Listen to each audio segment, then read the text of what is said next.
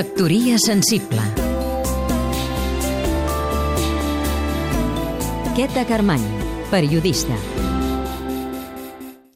Són les dues de la matinada tocades. Per fi s'asseu el balancí de la seva àvia, acluca els ulls i el record de la Sílvia Pérez Cruz cantant les corrandes de l'exili encara li contreu l'espina dorsal.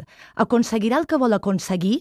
Estreny la llibreta gruixuda, viscuda, plena d'inspiracions. Recorre amb els dits la fotografia que va enganxar la portada i la contra. Una fotografia en blanc i negre d'una filera d'homes i dones que caminen carregats amb maletes i mantes.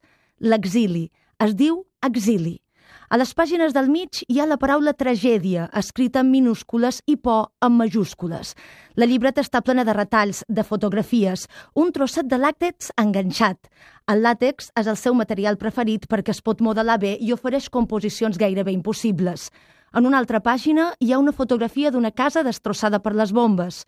A damunt, una tela negra aferrada i les paraules esquelet, reconstruir, patchwork, tricot, cosir cordes i deixar trossos descosits. És la llibreta d'un artista, d'un artista però que no fa ni escultura ni pintura, sinó roba. D'aquí dos dies, Míriam Ponsa presentarà la seva desfilada Exili amb les corrandes de fons i una posada en escena que ens contraurà l'espina dorsal a tots els assistents, tal com ella ho va pensar. Ara que han acabat les grans passarel·les internacionals, segurament molts pensareu que d'això va la moda, d'unes models massa primes i moltes fotografies complen les pàgines de societat. No, això és la celofana fúcsia que l'envolta, la que es trenca de seguida que les tires, la que ho difumina tot en la banalitat. No, la moda va més enllà, és cultura, és esforç, és creativitat, passió i mirall de cada societat i de cada època. És la llibreta de l'artista i les posades en escena que contreuen columnes vertebrals.